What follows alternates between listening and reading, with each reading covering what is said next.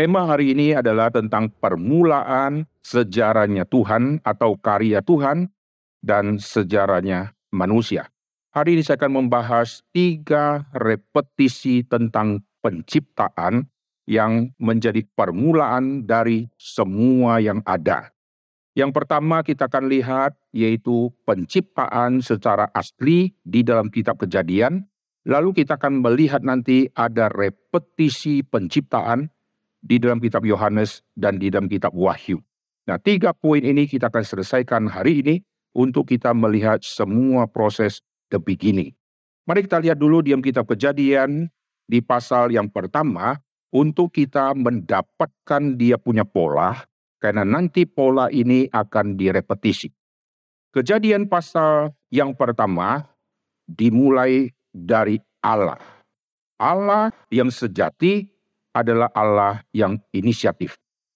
Dari kalimat saya ini sudah menggugurkan semua teori ilah di dalam dunia ini. Karena ilah, ilah bukan yang inisiatif. Karena ilah tidak mencipta manusia. Manusia setelah jatuh manusia memproduksi semua ilah-ilah.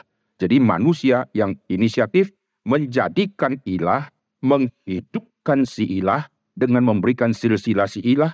Ilah ini namanya A, punya istri namanya B, setelah menikah lahir C, lalu yang C berantem sama anak ilah yang lain, lalu bunuh-bunuhan, akhirnya satu yang mati. Nanti terjadi perselisihan lagi antara dewa yang satu dengan dewa yang lain. Manusia yang inisiatif memberikan seluruh cerita dari dewa-dewa, tapi dewa-dewanya sendiri tidak pernah mengwahyukan satu buku yang ditulis menjadi patokan untuk manusia mengerti diri dari ilah itu. Pada mulanya adalah Allah, ini menjadi satu tema yang sangat penting.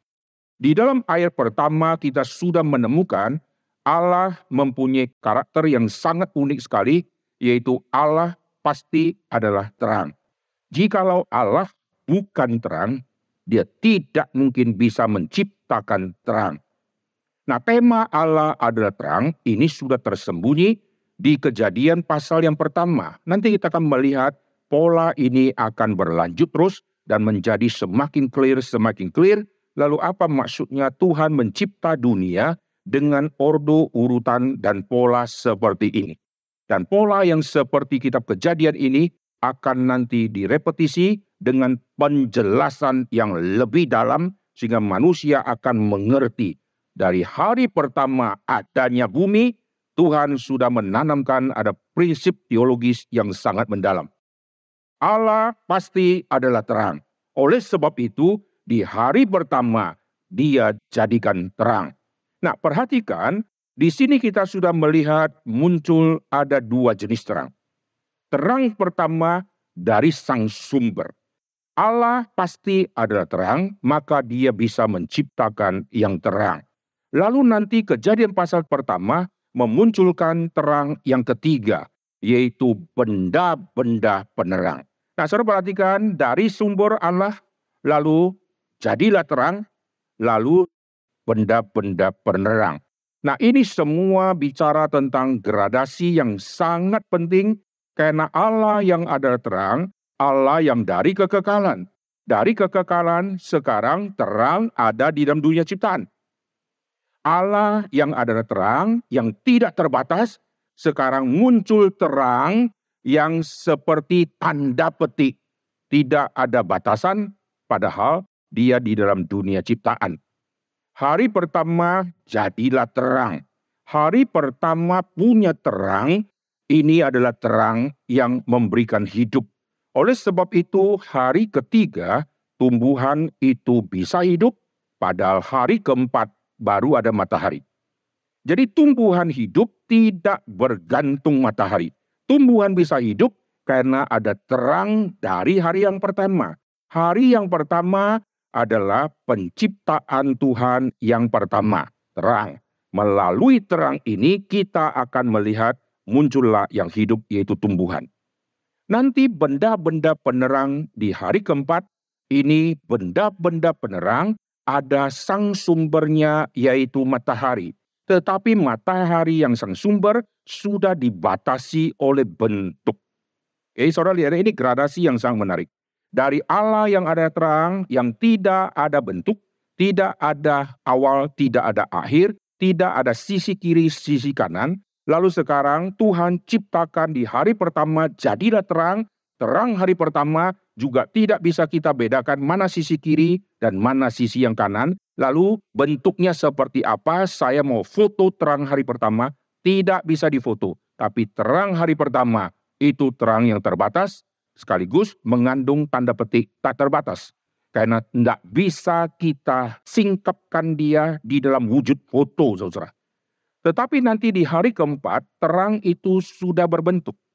Yaitu bulatan matahari yang adalah sumber terang itu, tetapi sekarang sumber ini menjadi semakin kecil dibandingkan yang hari pertama, dibandingkan yang Tuhan. Jadi ada gradasinya. Lalu semua gradasi ini akan semakin mengkerucut yaitu menuju bumi. Saudara lihat ini pola. Kejadian pasal yang pertama, perhatikan yang tadi saya katakan, ayat satu Allah. Ayat ketiga, jadilah terang. Eh, nanti tumbuhan hidup di ayat yang ke-11. Sekarang perhatikan ayat yang ke-13, itu hari ketiga tentang tumbuhan. Ayat ke-14, benda-benda penerang ini di hari yang keempat. Nah, saudara perhatikan waktu muncul di hari yang keempat, ayat ke-15. Sebagai penerang pada cakrawala, biarlah benda-benda itu menerangi bumi. Nah, saudara lihat ya. Jadi dari yang sangat luar biasa tak terbatas, yaitu Allah, sekarang menuju mengerucut menjadi lebih fokus lagi matahari yang adalah sumber, semua benda penerang akan menyinari bumi. Bumi menjadi pusatnya. Nah, setelah cerita tentang benda penerang, nanti dilanjutkan dengan Tuhan menciptakan binatang, lalu endingnya adalah manusia. Waktu di ending manusia, Tuhan memberikan penilaian yang manusia sungguh amat baik. Nah, sekarang kita menemukan pola ini dari yang tidak terbatas Jadilah terang hari pertama menjadi lebih bisa terlihat yaitu benda-benda penerang, ada matahari, bulan, dan bintang, lalu semua sinar ini akan menyinari bumi. Bumi yang disinari akan berhenti di hari ke-6, yaitu memfokuskan kepada satu ciptaan, yaitu manusia. Nah, pola ini terulang di Yohanes pasal yang pertama. Mari kita lihat. Yohanes pasal yang pertama mereview kitab kejadian dengan format pola yang sama. Ayat pertama Injil Yohanes dimulai dengan Allah. Tetapi waktu bicara Allah, dia langsung berfokus kepada Allah pribadi yang mana yang menjadi fokus yang akan dibicarakan. Kejadian pasal yang pertama kita belum menemukan ada fokus yang sangat mencolok. Kecuali ada ayat yang mengatakan roh Allah melayang-layang di atas permukaan air. Itu ayat masih samar-samar. Nanti dalam kitab Ayub disebutkan roh Tuhan itu adalah pencipta. Tapi kejadian pasal 1, pribadi Allah Tritunggal yang mencipta, ini belum diliskan secara terperinci, maka kita hanya baca Allah. Marilah kita mencipta. Ini yang mana? Tiga pribadi Allah Tritunggal ini mencipta. Tapi Injil Yohanes langsung memfokuskan Allah Tritunggal yang dia mau soroti sebagai pusat yang sangat penting itu adalah Sang Firman. Mari kita lihat di ayat pertama. Sang Firman itu bersama-sama dengan Allah. Dan Sang Firman itu adalah terang. Perhatikan sekarang di ayat yang ketiga ya segala sesuatu dijadikan oleh Dia. Dimulai dari Allah, lalu penciptaan terjadi. Ini pengulangan kitab kejadian. Segala sesuatu dijadikan oleh Allah, Injil Yohanes memfokuskan Allah yang mana? Dia memfokuskan Kristus. Segala sesuatu dijadikan oleh dia tanpa dia tidak ada sesuatu pun yang terjadi. Terang itu mengandung hidup dan sumber hidup. Maka terang hari pertama menghidupkan tumbuh-tumbuhan. Nanti terang berikutnya, matahari, bulan, dan bintang itu mempunyai peranan untuk menghidupkan semua yang lain juga. Sekarang kita melihat terang yang dikaitkan dengan sang firman, ayat keempat, di dalam dia ada hidup. Lalu terang yang dikaitkan dengan Kristus itu akan menyinari. Saudara perhatikan ya, ini semua kalimat yang sangat menarik. Ayat ke-9, terang yang sesungguhnya yang menerangi setiap orang. Tadi kita lihat bumi. Lalu berakhir di hari penciptaan, yaitu hari ke-6 manusia. Sekarang dia balik di sini. Terang yang sesungguhnya menerangi manusia sedang datang ke dalam dunia, bumi. Nah, ini tema yang sangat penting di dalam penciptaan tersembunyi misi rahasia Allah yang akan turun ke bumi. Semua terang berfokus untuk menyinari manusia nanti. Kristus datang yang adalah terang datang ke bumi. Lalu fokus bumi bukan binatang, bukan semua alam ciptaan yang lain, tapi fokusnya mencari manusia yang ada di dalam gelap. Karena terang akan menerangi gelap. Oleh sebab itu, terangnya Kristus akan menerangi manusia dan manusia yang ada di bumi yang di dalam kegelapan. Mari kita lihat dulu semua pola ini, nanti saya akan jelaskan ya. Nah, di dalam Injil Yohanes ini muncul tiba-tiba ada saksi terang. Jadi kita melihat dari kitab penciptaan setelah menyinari dunia lalu menyinari manusia, Lalu kita melihat nanti semua akan hidup. Tumbuhan hidup, binatang hidup, lalu manusia hidup, semua yang hidup bergantung penuh kepada sang terang. Maka kalau tidak ada terang, tidak mungkin ada semua yang lain. Nah, di dalam dunia ini ada binatang tertentu yang hidup di tempat yang tidak ada terang.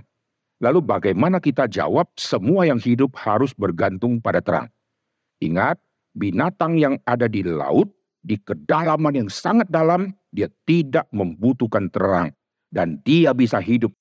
Tadi saya katakan, semua yang hidup mesti dari sumber terang. Sedangkan yang ini diam kegelapan kok dia bisa hidup. Ingat, dia ada di lautan. Lautan nanti bisa ada plankton, bisa ada tumbuhan, bisa ada macam-macam di dalam karena mendapatkan sinar semua dunia ciptaan ini, jikalau tidak ada sinar, tidak akan muncul binatang-binatang kecil apa pun. Sehingga kalau ada yang bisa hidup diam kegelapan yang sangat gelap, dia perlu makan. Dia cari makan apa?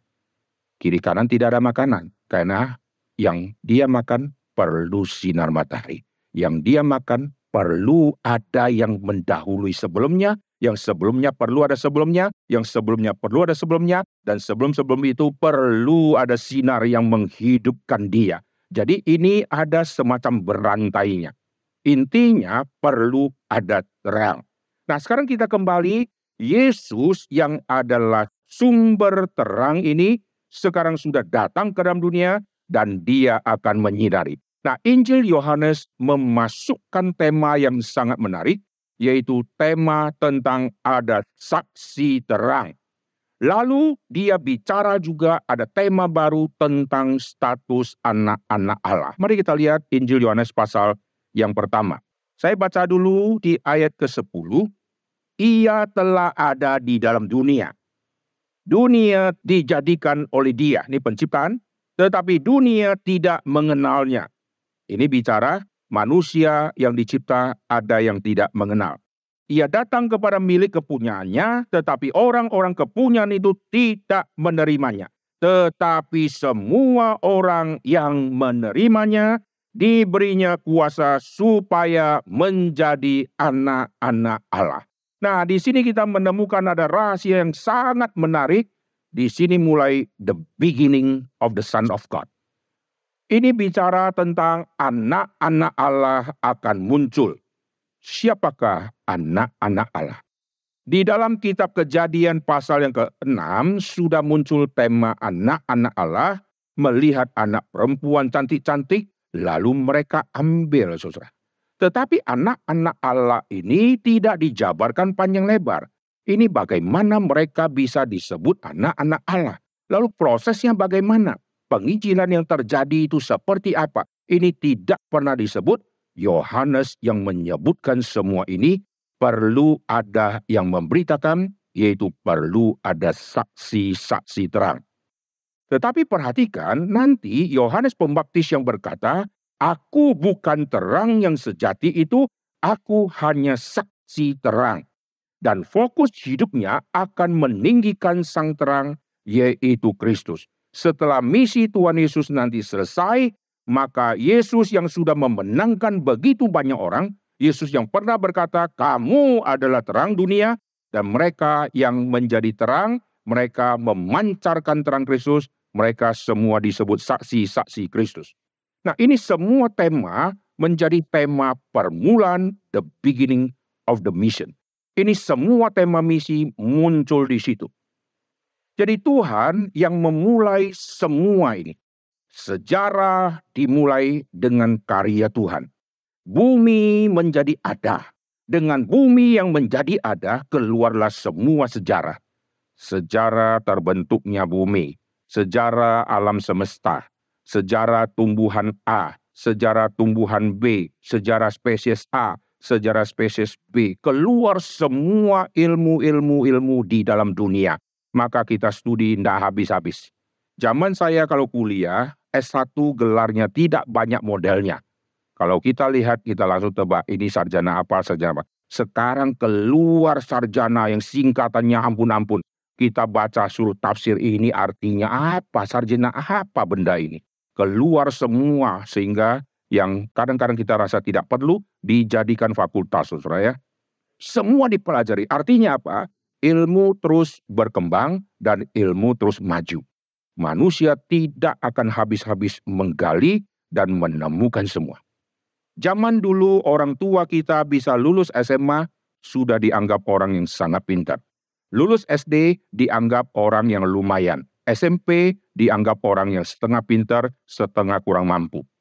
Lulus SMA, oh tok Zaman sekarang, lulus SMA, wah setengah mati saudara ya, tidak tahu mau kerja di mana. Lulus S1, ini masih dianggap biasa. Lulus S2, ya middle-middlenya. Lulus S3, lebih tinggi lagi, sampai STLR saudara ya. Nah itu yang dianggap yang paling top. Setelah selesai, mereka kejar yang namanya profesor. Setelah dapat profesor, maka dianggap dia sudah menduduki posisi yang sangat-sangat tinggi. Nanti yang lebih tinggi lagi, kita semua akan dapat gelar yang sama, ALM. Wah itu gelar kita semua ya. Itulah prestasi kita sampai akhir hidup. Setiap kita lulusan dari S1, S2, sampai S3, apa pun, kita akan dapat ALM. Kalau yang wanita, armahuma. Yang pria almarhum. Saya pasti akan dapat gelar itu dan itulah gelar di mana kita saat akhir hidup kita yaitu saat titik akhir kita akan stop dan kita akan mendapatkan sebutan ALM. ALM inilah yang menghentikan gelar profesor, yang menutup gelar STH, yang menutup gelar MDiv. Karena semua prestasi di dunia semua sudah dikubur bersama pribadi yang ALM ini, saudara. Lalu kita akan bertemu dengan Tuhan di dalam dunia kekekalan, itu menjadi the beginning kita lagi. Jadi the beginning dari dunia ciptaan dimulai oleh Allah, keluar nanti semua ilmu-ilmu pengetahuan, dan keluar semua ilmu-ilmu teologi Tuhan yang memulai semua. Keluar ilmu teologi, doktrin penciptaan, doktrin manusia dan dosa. Bagaimana manusia berdosa, lalu hidupnya menuju ke mana, hanya Tuhan yang memberitahu. Manusia tidak mungkin memberitahu ending dari manusia, siapa yang akan catat riwayat dia. Hanya Tuhan yang memunculkan penulis kitab suci yang mencatat umur manusia nanti mati sekian, yang ini mati sekian, mati sekian. Siapa di zaman dulu yang eng lo catat matinya orang? Ayo sekarang saudara di sini. Saudara catat berapa banyak orang yang sudah mati. Tahun berapa? Tanggal berapa? Paling kita catat mama papa kita yang mati, istri kita yang mati, atau anak kita yang mati. Saudara pernah catat nggak? Tetangga kakeknya mati, tanggal berapa, bulan berapa ada? Tidak ada urusan, betul nggak? Serap catat nggak? Orang yang mati di negara lain atau di kota lain. Nggak ada urusan sama kita, betul nggak? Tetapi coba lihat, catatan kematian-kematian orang dalam kitab suci begitu banyak. Karena Tuhan yang memulai sejarah lahirnya seorang manusia dari Tuhan yang mencipta, lalu sampai berakhirnya manusia ini di dalam kontrol sejarah Tuhan. His story. Sejarah manusia menjadi berarti jikalau manusia connect sama Tuhan, sehingga sejarah manusia di bumi yang penuh dengan kegelapan, sekarang ada terang yang menyinari dan mengikuti dia. Maka hidup manusia menjadi ada makna kekekalan di dalamnya. Jikalau tidak, manusia hanya jalan seperti binatang yang bangun pagi, lalu cari makan, lalu malam dia nanti tidur. Ada binatang yang malam, waktu manusia sudah tidur, nanti binatang malam keluar cari makan. Pagi dia tidur, manusia bangun. Ini dicatat di dalam kitab Mazmur. Manusia waktu bangun pagi lalu bekerja. Sampai malam dia istirahat. Nanti binatang malam dia keluar cari mangsa. Sampai pagi dia tidur. Waktu dia tidur manusia bangun. Inilah siklus dari ciptaan, yaitu manusia dan binatang, jikalau tidak ada Allah yang dilibatkan di dalam sejarah hidup kita. Manusia boleh hidup, silakan berprestasi, tapi kalau Tuhan tidak interupsi di dalam sejarah hidupnya, maka semua sejarah hidupnya tidak ada guna sama sekali. Musa 40 tahun di Midian. Apa yang dikerjakan selain dicatat menggembalakan kambing domba? 40 tahun hidupnya Musa hanya disimpulkan kerjaannya gembala. Hari Senin ada prestasi apa yang dikerjakan? Tidak ada bulan depan tidak ada, tahun depan tidak ada, 40 tahun tidak ada. Ke mana 40 tahun? Coba bayangkan, saudara sudah umur 40 tahun, lalu orang simpulkan sejarah hidup saudara. Ibu, ibu sebagai apa? Ibu rumah tangga. Coba bayangkan, 40 tahun ibu rumah tangga. Lalu ibu rumah tangga kan ada Seninnya, ada Selasanya, betul nggak? Ada minggunya, ada Sabtunya, ada bulannya, ada tahunnya. 40 tahun ibu rumah tangga. Tidak ada prestasi apa pun. Bangun tidur, ngurusin tangga, karena ibunya dia. Anak-anak itulah tangganya, saudara ya. Dia ngurusin semua tangga-tangga, saudara ya. Besok bangun, ngurusin tangga lagi. Saudara mau mati dengan tangga itu? Banyak orang menghamburkan hidupnya paling banyak urusan keluarga. Keluarga tidak habis-habis, saudara. Hari ini saya nggak bisa pelayanan karena mau ngepel. Berapa banyak yang harus dipel? tujuh lantai pak. Suami baru beli rumah mewah. Salah siapa lu beli rumah yang tujuh lantai misalnya ya. Lalu rumahnya gedenya luar biasa. Sehingga perlu ngepelnya setengah mati. Akhirnya mesti keluarkan uang lebih untuk gaji pembantu. Padahal rumah yang besar kita nikmati, coba pasang CCTV, lalu setelah satu bulan langkah kaki kita. Paling rumah, toilet, kasur, balik, balik, balik ke garasi, ke mobil, balik, balik. Itu rute kita, saudara. Lantai kalau dikasih kapur, dikasih bedak, lihat jejak kaki kita ke mana. Pola balik di situ saja. Ada titik yang lain yang kita nggak pernah injakkan di saudara. Apa ya rumahnya begitu besar dengan tingkat yang begitu banyak. Lantai yang paling atas mungkin jejak kaki pembantu saja yang naik saudara. Kita banyak hidup di dunia, merepotkan diri sendiri dan menyusahkan diri sendiri. Saya lihat perang Israel sama Hamas, ada satu yang saya kagum saudara adakah tentara-tentara Israel bawa teh botol di sini, bontot makan, bontot itu. Tidak ada loh. Lalu Hamas itu loh, mereka di bawah itu rumput di atas nggak hidup. Tidak ada buah apel dengan ada pohon di atas, kering kerontang. Lalu bisa tahan sandra sampai ratusan. Kasih makan apa itu? Oke, ada menu makanan, tapi permasa. Itu perlu dapur berapa besar, saudara? Ayo ibu-ibu ngurusin anak lima. Baru selesai sarapan, mesti siapkan untuk makan siang. Betul nggak? Habis makan siang, harus makan malam. Bayangkan, baru mau pegang senjata, harus masak lagi saudara ya. Repot, itu ngurus makan sendiri setengah mati, apa yang ngurus makan untuk Sandra. Kok bisa hidup? Dari situ saya menemukan hidup manusia sebetulnya sangat simpel. Amin. Tidur di bawah kolong-kolong, nggak tahu kasurnya kayak apa. Waktu diselidiki, ditemukan tempat berkumpul mereka, tempat istirahat mereka. Sederhana luar biasa. Tapi kok bisa hidup perang lagi? Angkat senjata itu berat. Wah, saya lagi menunggu ada teroris yang angkat gitu. Karena sudah kurang makan. Tidak ada lu. Semangat. Uh, bisa ambil. Tuh, tuh, tuh, siap. apa ini? Ini tenaga mereka kok bisa sampai begini. Lalu tentara Israel juga lari, udah lari belakang itu, bontoknya itu benda-benda, bom lah, apa banyaknya luar biasa. Kita tidak bawa apa-apa, naik dari kerta lantai satu ke dua. Lemak cunyuk banyak benar, saudara ya. Kenapa? Karena kurang gerak. Suruh pelayanan jauh, suruh pelayanan panas. Nanti kena panas sedikit, muka merah semua, kulit terkelupas semua. Itu sayang ya. Nah, sejarah dunia itu terus akan bergerak. Binatang terus silih berganti, manusia terus silih berganti. Keturunan yang satu datang, keturunan yang lain kelak akan datang, yang sudah datang harus pergi, yang baru datang tunggu saja dia juga harus pergi. Semua sejarah manusia satu pergi, tetapi berapa banyak orang yang ada terang Tuhan yang menyertai sehingga hidup dia bermakna kekekalan. Coba buka film kolosal di YouTube bukanlah semua film-film jadul. Lihat ada orang-orang yang berdagang, abang-abang beca, supir-supir angkot yang muncul di dalam rekaman semua. Coba bayangkan, hari itu kita hadir di situ dan kita duduk di angkotnya. Oke?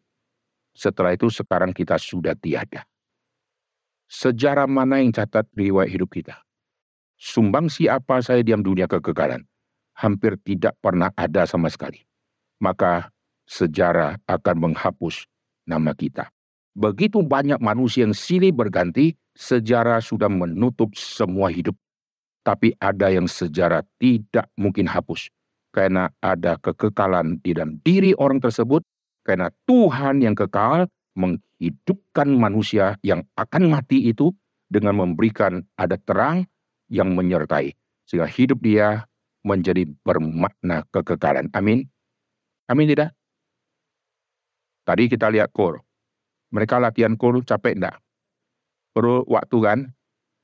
Bayangkan, ada dua ibu misalnya. Satu yang ikut latihan, akhirnya pentas. Satu tetap tidak mau ikut, karena tangga kebanyakan di rumah.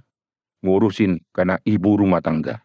Sama-sama dua ibu, yang satu ngurusin tangga, yang satu bisa nyanyi. Mana yang lebih bagus? Emangnya yang nyanyi nggak ngurusin tangga? Ayo, Hah? Rumah semua dibobok habis, nggak diurusin lagi. Pokoknya rumahnya cuma satu kasur untuk dia tidur saja. Pasti pulang juga masak, betul nggak?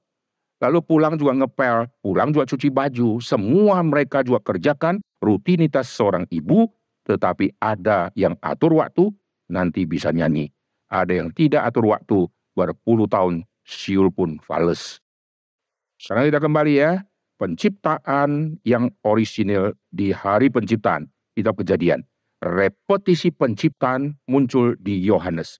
Yohanes pasal pertama waktu memunculkan repetisi, yang memfokuskan Kristus sang sumber terang, lalu sang sumber terang akan menyinari sampai ke paling bawah, masuk ke bumi, masuk ke hati manusia, maka nanti muncul saksi-saksi terang, dan setelah dimunculin, semua saksi-saksi terang, lalu disebut ada sejarah munculnya anak-anak Allah. Mari kita lihat Injil Yohanes di pasal yang pertama.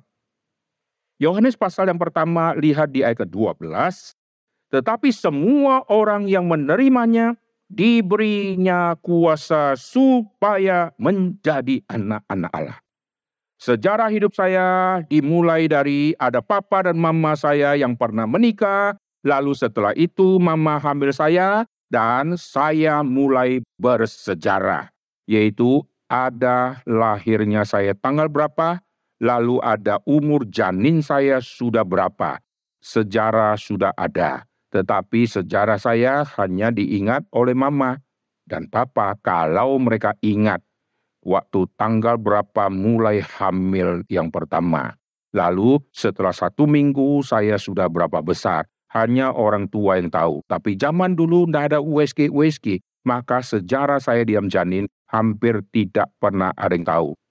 Pokoknya tiba-tiba perut mama sudah gede, lalu sekarang saatnya akan melahirkan. Dan sejarah saya mulai betul-betul akan dicatat, dilihat dari hari saya keluar dari dalam kandungan.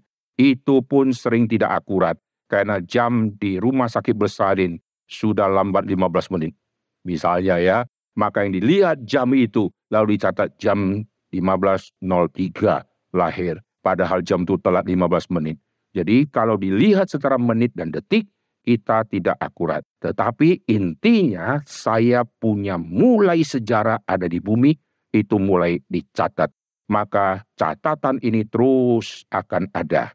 Orang tidak catat atau mama tidak catat, tetapi saya akan mengingatnya. Saya sekarang sudah umur satu, saya umur dua, mama ingatkan saya tanggal lahir saya berapa. Lalu mama bantu ingat, lalu satu persatu bantu ingat-ingat, akhirnya menjadi memori yang terekam. Saya lahir tahun berapa, mati tahun berapa, tidak pernah tahu. Sampai nanti akhirnya saya mati, maka sejarah munculnya saya ditutup dengan sejarah berakhirnya saya sejarah saya jadi janin tidak pernah ditulis, betul nggak? Karena tidak ada yang catat, saudara. Maka lihat, sejarah dunia hanya mencatat yang terlihat. Apa yang terlihat? Yaitu saya mulai muncul. Lalu akan mencatat sampai berakhirnya saya setelah terlihat akan menjadi tidak terlihat. Karena akan dimasukkan ke dalam debu tanah atau dikremasi atau dikubur, maka berakhir berhenti. Dimulai dengan saya mulai muncul, diakhiri dengan saya akan pergi. Itulah sejarah hidup kita. Hanya Tuhan yang mencatat sejarah di dalam kandungan. Wah ini menarik saudara. Sebelum aku dilahirkan, Tuhan sudah menenun aku di dalam kandungan ibuku. Dalam kandungan, dalam dosa, aku nanti akan diperanakan, saudara. Oh Tuhan sudah menetapkan aku jauh-jauh hari sebelum dunia diciptakan. Jadi yang lolos dari sejarah, Tuhan yang sumber sejarah memunculkan sejarah hidup kita. Sejarah hidup saya dimulai dari Tuhan yang sudah menetapkan saya, yaitu Tuhan sudah memilih saya sebelum dunia dijadikan. Lalu di dalam kandungan aku dibentuk oleh Tuhan dan Tuhan memunculkan kalimat yang kitab suci, ada yang dari dalam kandungan sudah dipersiapkan kelak menjadi nabinya Tuhan. Lalu sejarah tidak akan bisa mencatat lagi setelah manusia masuk ke dalam debu tanah atau kuburan itu, tapi Tuhan yang melanjutkan. Nanti di sana akan terjadi apa? Puji Tuhan, saudara. Jikalau hidup kita hanya seperti dunia yang ada awal, lalu berakhir di makam, hidup kita akan dihapus oleh sejarah. Saudara pilih yang mana? Mau nama saudara, pelayanan saudara membekas di bumi. Jejak kaki saudara tidak terhapus di bumi. Di Amerika, di tempat tertentu, ada jejak-jejak kaki tokoh-tokoh hebat yang orisinil kaki mereka. Itu tidak akan dihapus oleh manusia dan tidak bisa dihapus kecuali orang hancurkan dengan bom atau mereka hancurkan lantainya, maka hilanglah sudah. Tapi itu jejak kaki manusia yang adalah jejak kaki orang-orang top. Kaki kita tidak bakalan akan berjejak di sana, betul nggak? Semua kaki kita tidak mungkin berjejak di situ karena manusia yang menilai jejak kaki siapa yang boleh ada di daerah sana berdasarkan prestasi hidupmu di bumi itu sebagai apa? Kamu aktor hebat, jejak kakimu ada. Lalu kamu punya sejarah, ini bisa mendapatkan satu Nobel Prize yang luar biasa. Oke, oke memenuhi syarat jejak kakimu ada di situ. Lalu jejak-jejak kaki kita yang tidak ada prestasi dalam dunia ilmu dan lain-lain tidak bakalan ada di situ. Tetapi jejak-jejak kaki kita, Alkitab catat, Tuhan mencatatnya. Betapa indahnya kedatangan jejak-jejak kaki orang. Kaki itu Tuhan catat. Saudara pilih yang mana? Jejak kaki yang ada di negara tertentu, telapak tangan di negara tertentu, tetapi hanya berbekas lima jari dan tidak ada signifikasi yang banyak. Tetapi sejarah kehidupan anak-anak Allah akan berjejak yang tidak dicatat manusia, tapi Tuhan catat itu. Amin. Sekarang saudara mau melangkah atau tidak? Tergantung saudara. Jejak saudara mau ada diingat atau tidak. Tergantung saudara. Ada orang yang terkenal, dia mempunyai fokus. Saya akan kejar Nobel Prize. Akhirnya dia dapat. Ada orang tertentu, dia sudah sangat terkenal. Tidak bakalan dia kepikir.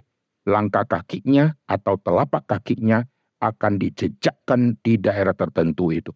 Ternyata dia yang dipilih, lalu hari dia akan jejakkan kakinya. Uh, wartawan semua sudah datang, lalu semua sudah siap, dan waktu dia jejakkan kakinya dengan satu kebanggaan yang luar biasa dan senyuman yang sangat manis. Tidak ada yang jejakkan kaki dengan kesedihan dan tangisan air mata, tidak ada dengan senyuman, lalu kamera cerat, cerat, cerat, cerat, cerat, cerat, cerat. Tapi jejak-jejak kaki orang melayani. Tidak ada kameramen dan wartawan yang mengikuti, saudara. Manusia lebih mengejar yang ada kameranya. Manusia lebih mengejar yang ada medsos, yang ada popularitasnya. Tetapi manusia kurang mengejar yang tidak diliput wartawan, tapi diliput oleh Tuhan. Jikalau hidup kita tidak ada perubahan, maka 2023 kita akan tutup seperti kita tutup tahun-tahun sebelumnya. Jikalau hidup kita ada perubahan, kita tutup dengan kemenangan. Dan tahun depan kita akan atur jejak-jejak kaki kita yang berharga di mata Tuhan itu. Tidak ada satupun yang bisa hapus. Karena Tuhan akan mengingatnya. Amin. Siapa yang bisa hapus memori Tuhan? Handphone kita sudah jadul dan ngeheng. Kita format ulang semua memori apa pun di dalam kita bantai habis. Laptop kita ngeheng, kita reset ke factory itu setting. Begitu sudah reset, semua dibersihkan, habis total. Sekarang jejak-jejak kita yang melayani, manusia mau hapus, sejarah bisa hapus, tapi Tuhan ingat di dalam dunia kekekalan. Amin. Saudara pilih yang mana? Coba review hidup kita, berpuluh-puluh tahun kita sudah lewati sampai hari ini. Tuhan, berapa banyak jejakku, kakiku, dan telapak tanganku di dalam tangan Tuhan. Ada beberapa jejak yang Tuhan ingat. Coba pikir ya, setelah itu baru kita tahu, Tuhan, saya akan menutup tahun ini dengan melupakan semua yang ini. Lalu sekarang saya akan mulai yang baru. Kejar prestasi rohani. Amin. Dunia mengejar prestasi anak-anak kita kita tuntut untuk berprestasi. Anak sekolah setelah pulang, yang selalu tanya apa? Hari ini ujian bisa tidak? Coba anak kita sudah 15 kali ujian, setiap kali pulang, tidak bisa mah. Mama bangga nggak? Hebat kali kau. Mama senang atau mama sedih? Sia-sia aku lahirkan kau gitu ya. Kasih les guru terbaik, sudah kasih waktu belajar, kasih ciakpo, kasih obat untuk mengingat gitu ya. Semua fasilitas sudah dikasih, tetap kau tidak bisa. Semua raportmu cuma satu yang hitam, yang lain merah. Puji Tuhan ada hitam mah. Jangan kau bangga, yang hitam tanda tangan capsek. Gitu ya. Semua itu merah, waduh mamanya stres. Tapi kalau anaknya pulang, tadi ujian bisa, ya puji Tuhan mah 100. Mama nangis kak? Kalau mama nangis, keterlaluan tuh mama ya. Tidak cocok dia mama itu. Mama pasti bangga. Hari di mana anak akan dapat raport. Dan mama sudah tahu raport anak semua 100. Mama ke sekolah dengan minder atau dengan gagah perkasa, saudara. Gimana menurut ibu tentang dia? Wah bagus sekali. Maksudnya, maksudnya. Ih, kita pengen dia ulangi 15 kali. Maksudnya, maksudnya. Gitu kan. Lalu disebutkan lagi. Setelah disebutkan, kita pulang bawa anak kita. Wis. Hari di mana wisuda dibacakan. Wis.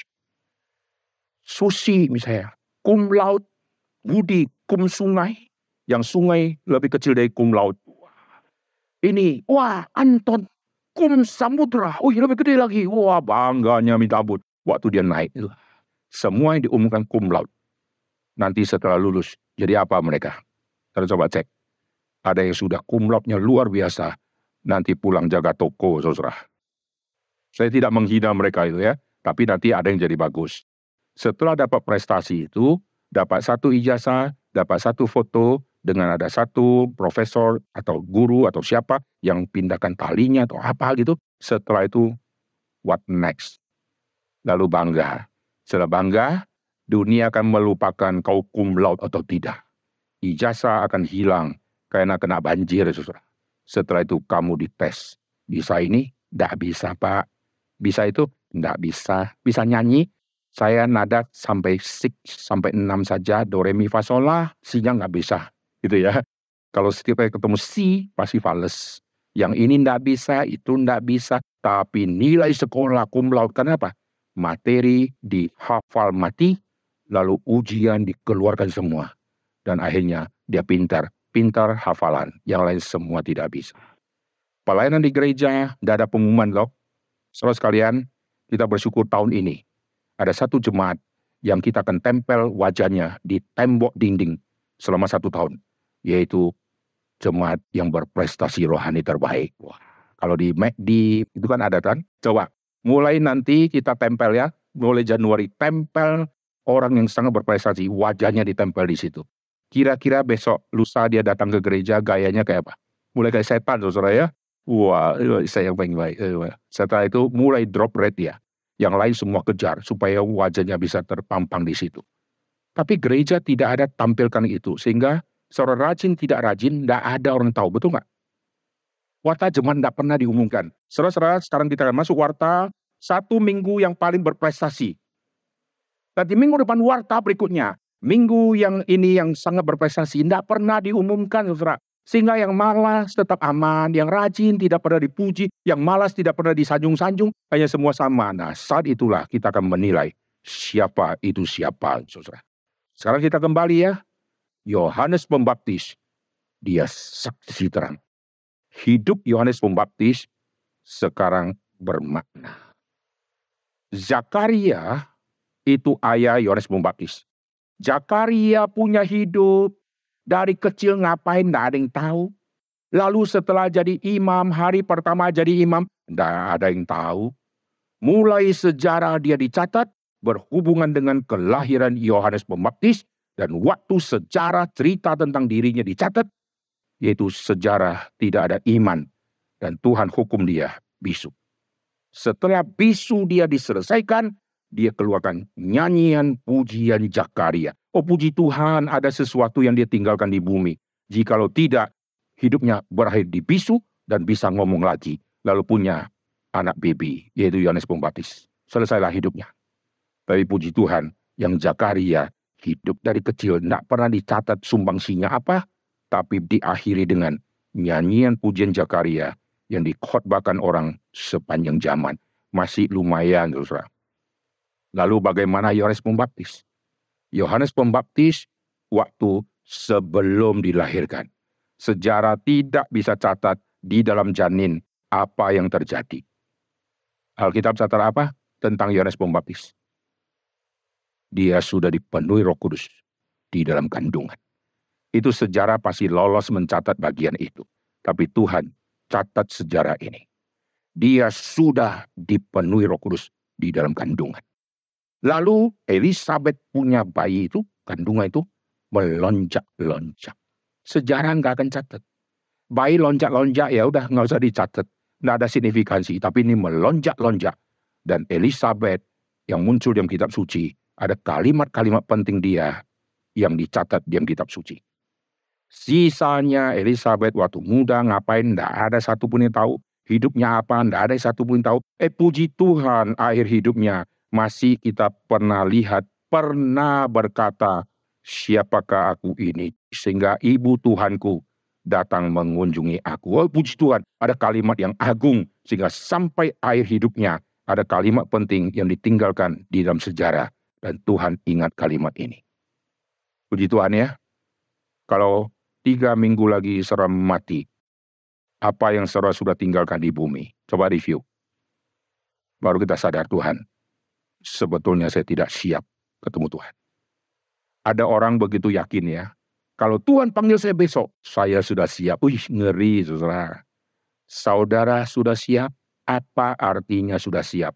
Saya sudah siap karena saya sudah terima Yesus. Itu bukan sudah siap karena sudah terima Yesus. Kau sudah siap menghadap tata pengadilan Tuhan? Ku kasih kau lima talenta. Kau lipat gandakan tidak? Ku kasih kau hidup 24 jam dengan temanmu 24 jam. Kenapa yang ini menghasilkan begitu banyak? Kenapa kau tidak hasilkan apa-apa? Saudara berani menghadap tata pengadilan Tuhan? Oh mengerikan saudara. Hati-hati kalau saudara bilang saya sudah siap. Definisi siap karena saya sudah terima Yesus. Bagi saya itu belum cukup. Setelah terima, apa yang kau perbuat bagiku.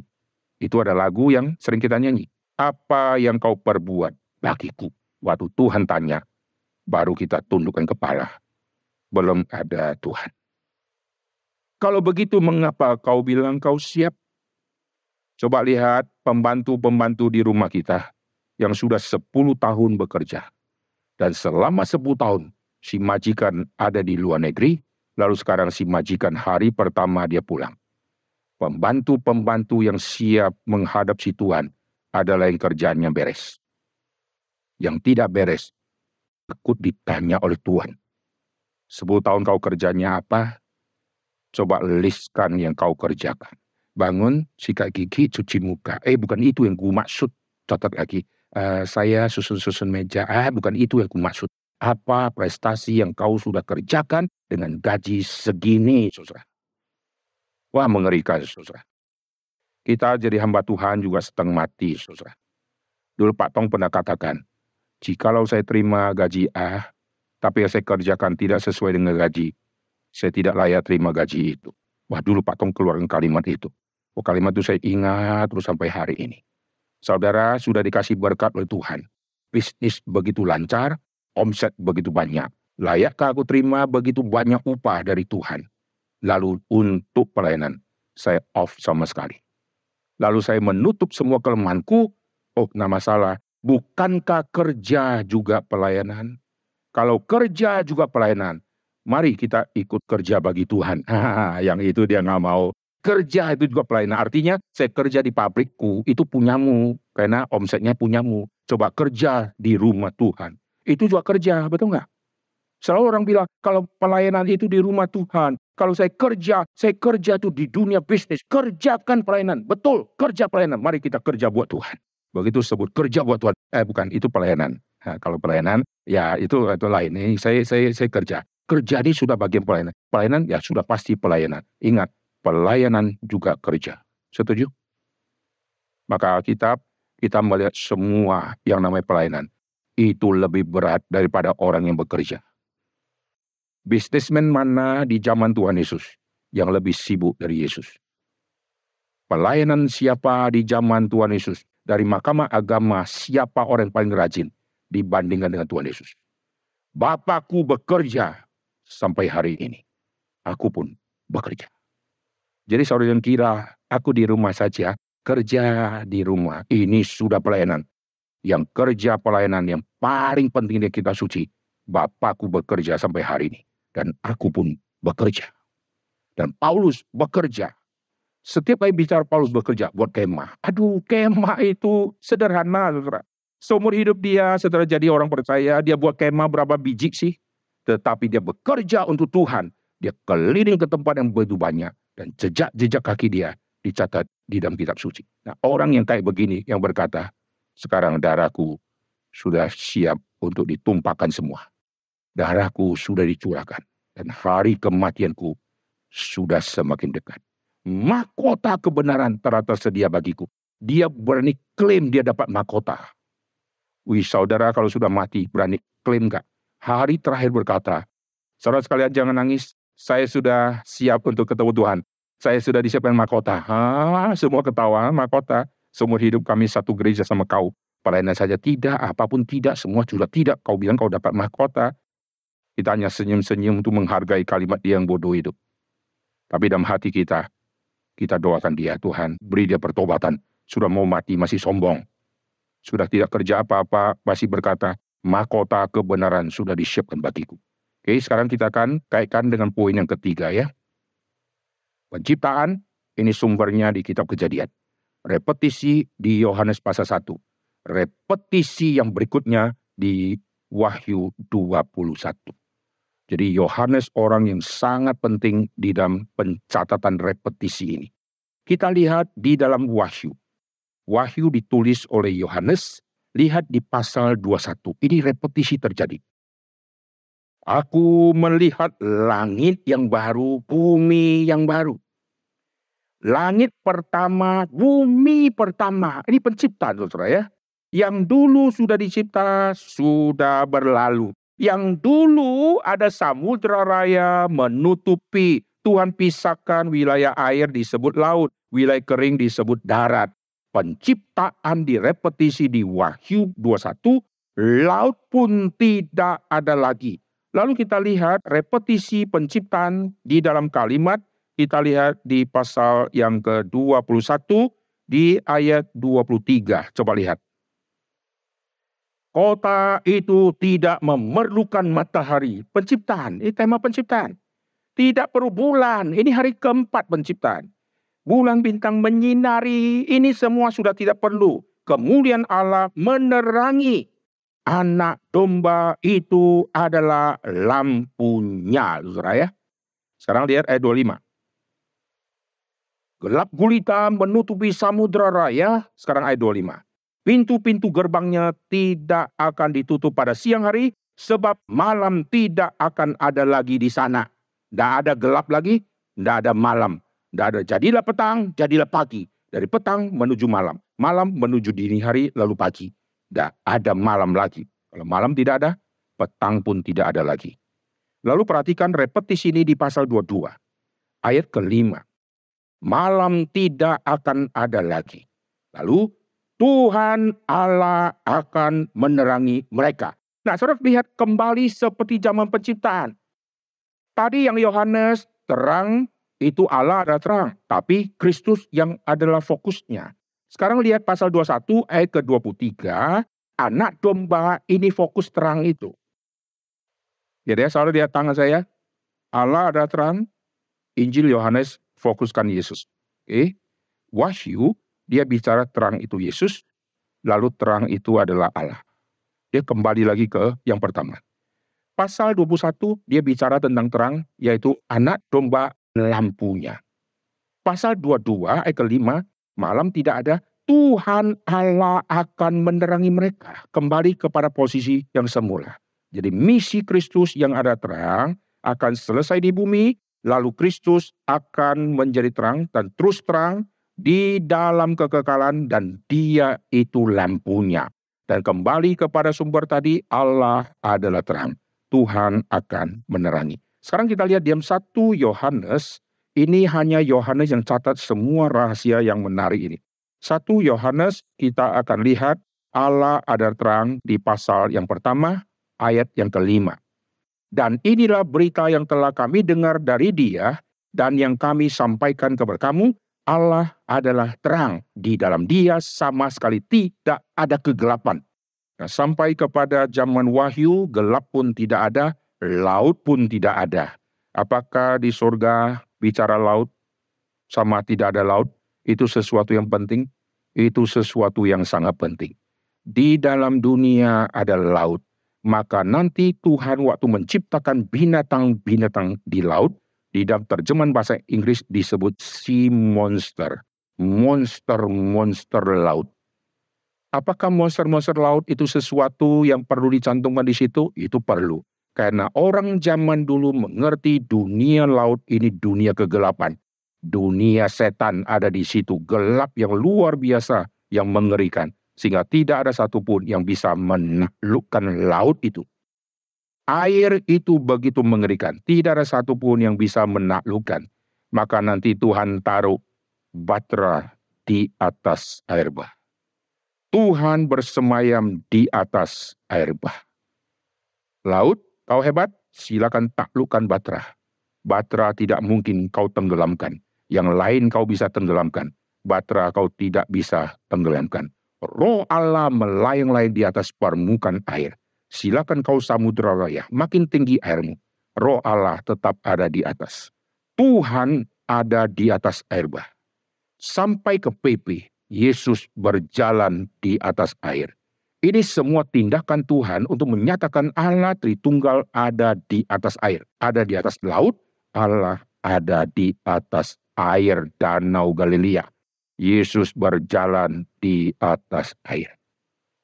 sampai kepada wahyu, langit pertama sudah tidak ada, sekarang langit dan bumi yang baru, tidak ada laut lagi, tidak ada malam lagi, artinya tidak ada kuasa kegelapan lagi, di situ terang selama-lamanya. Kenapa bisa terang? Karena Kristus adalah terang itu dan Allah adalah terang itu. Maka kita lihat the beginning of history manusia dimulai dari penciptaan, the beginning of the sons of God ditulis di Yohanes pasal yang pertama, diberi kuasa menjadi anak-anak Allah, lalu the beginning of the eternity untuk kita nanti semua kumpul di situ, itu dicatat dalam kitab Wahyu ada langit dan bumi yang baru dan kita masuk ke situ tapi sudah masuk dalam dunia penciptaan yang lain yang beda dengan yang bumi. Mari kita lihat di Wahyu pasal ke-21. Lihat di Wahyu pasal ke-21, lihat di ayat kedua. Ini semua repetisi penciptaan.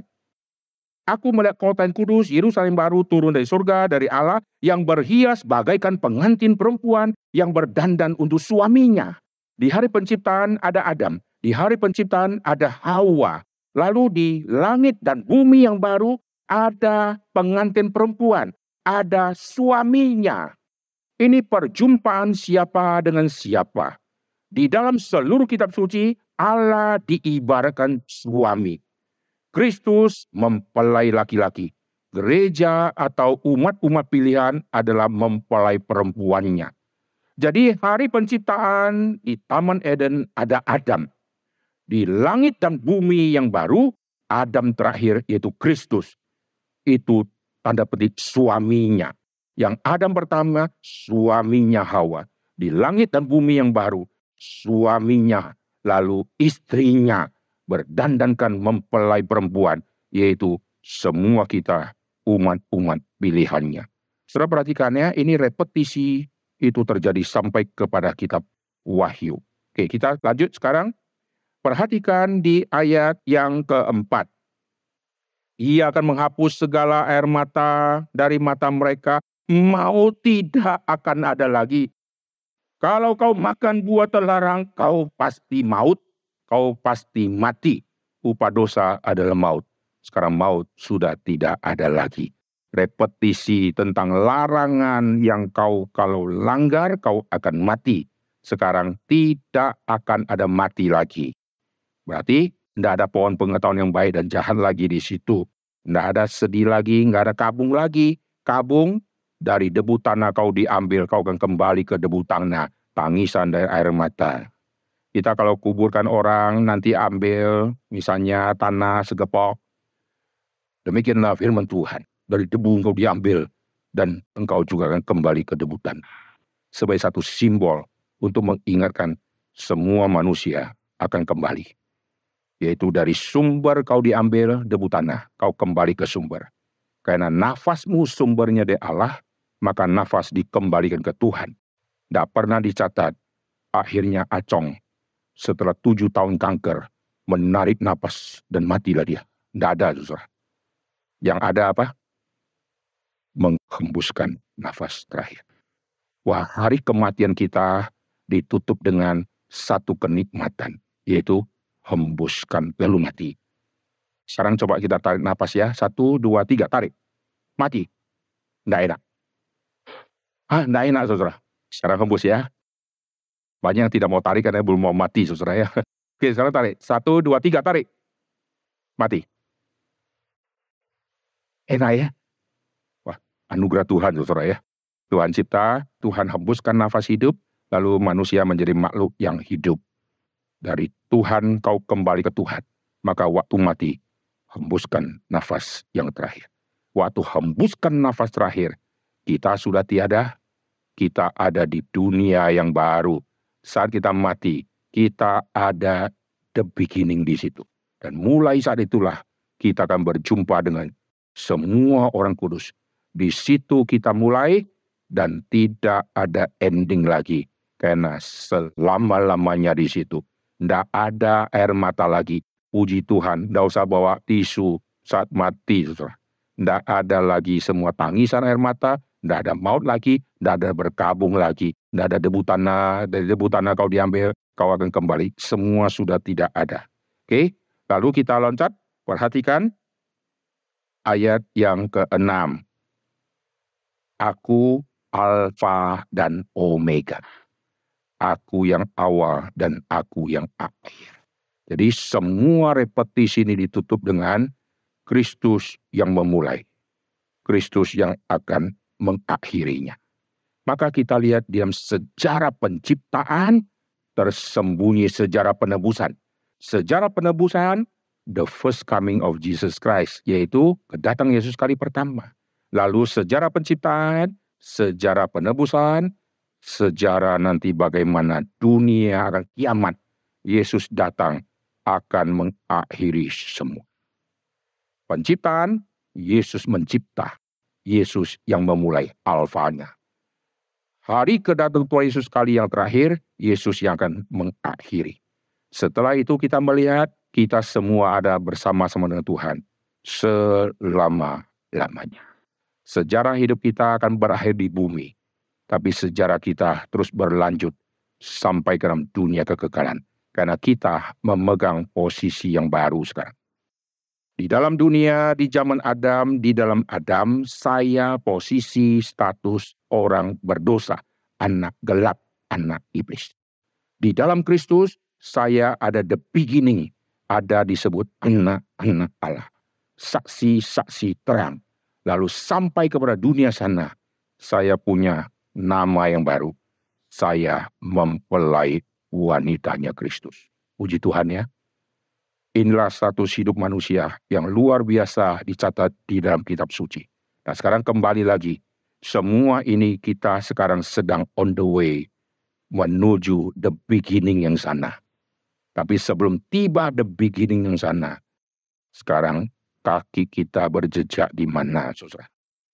Karya tangan kita untuk kemuliaan Tuhan sudah berjejak di mana? Otak kita kita pakai untuk Tuhan sudah berjejak di mana?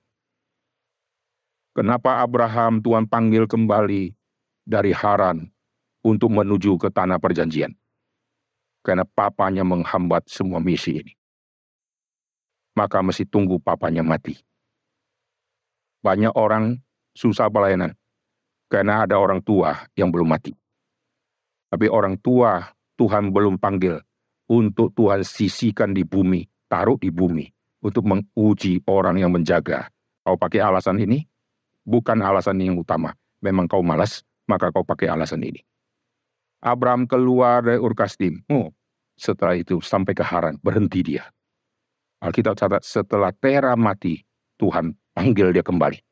Barulah sejarah Abraham dilanjutkan kembali. Berapa lama dia di Haran? Alkitab tidak catat. Alkitab catat di Haran Tuhan panggil Abraham sudah berumur 75 tahun. Saya percaya tidak mungkin baru sampai seminggu kemudian si Tera mati. Kemungkinan itu akan lama di situ. Kemungkinan juga mungkin si Tera akhirnya punya rumah. Karena Tuhan memanggil Abraham dengan mengulangi, tinggalkan rumah bapamu itu. Kau harus berangkat dari Urkasdim dia pergi. Di Haran Tuhan panggil lagi, Tuhan ulangi lagi panggilan seperti di Urkasdim untuk dia tinggalkan Haran. Kalau misalnya tinggal di Haran ada tiga tahun, berarti waktu dipanggil keluar dari Urkasdim, Abraham berumur 72 tahun. Di Haran waktu itu dia berumur 75. Di Urkasdim sama Haran ini ada gap waktu karena tinggal di Haran berapa tahun kita nggak tahu. Sampai Tera mati. Nah selama tinggal di Haran berapa tahun prestasi dia apa saudara? Tidak pernah dicatat satu kali pun. Karena dia di dalam rangka tidak taat. Begitu dia tinggalkan Haran, maka jejak-jejak dia di bawah pohon pun dicatat saudara. Di situ dia dirikan mesbah untuk Tuhan. Itu menjadi bermakna. Semua langkah menjadi bermakna. Amin. Jikalau tidak di dalam Tuhan, saudara ada di bawah pohon, tidak ada signifikan. Saudara di bawah kota, tidak ada signifikan. Di kemah, di gerbang, tidak ada signifikan. Tapi Abraham duduk di gerbang pun, itu signifikan. Ada di kemah pun, itu signifikan. Semua sangat signifikan. Maka mulai hari ini, jangan tutup tahun 2023 dengan prinsip yang sama, dengan gaya yang sama seperti tahun-tahun lalu. Jikalau tidak, kita akan digeser oleh waktu. Kita berasa baru ketemu, betul nggak? Sekarang pohon Natal lagi. Dulu hijaunya dominan, sekarang biru. Nanti tahun depan merah dominan. Tahun depan lagi misalnya ungu dominan. Waktu lewat, baru Natal, sebentar lagi Paskah. Coba. Sudah Paskah, sebentar lagi sudah mau Natal lagi. Waktu lewat, cepatnya luar biasa. Jejakkan kaki seluas-luasnya. Mari kita berdoa. Bapa dalam surga kami berterima kasih jikalau Tuhan mengingatkan kami. Kami yang Tuhan mulai sejarah hidup yang ada di bumi. Tuhan yang akan menerangi langkah kaki kami. Sehingga sisa umur kami yang kami tidak tahu sisa berapa tahun, Tuhan ingin hidup kami bermakna dalam dunia kekekalan. Tapi sering kali kami lewati hari lepas hari dengan lewat begitu saja dan tidak ada desakan dalam hidup kami untuk kami menjejakkan kaki di bumi di dalam terangnya Tuhan. Tuhan berkati setiap kami, Tuhan ampuni dosa kami, dan Tuhan rubahlah setiap kami. Bangunkanlah jemaat Tuhan, bangunkanlah rohani kami, dengar doa kami. Dalam nama Tuhan Yesus, kami berdoa. Amin.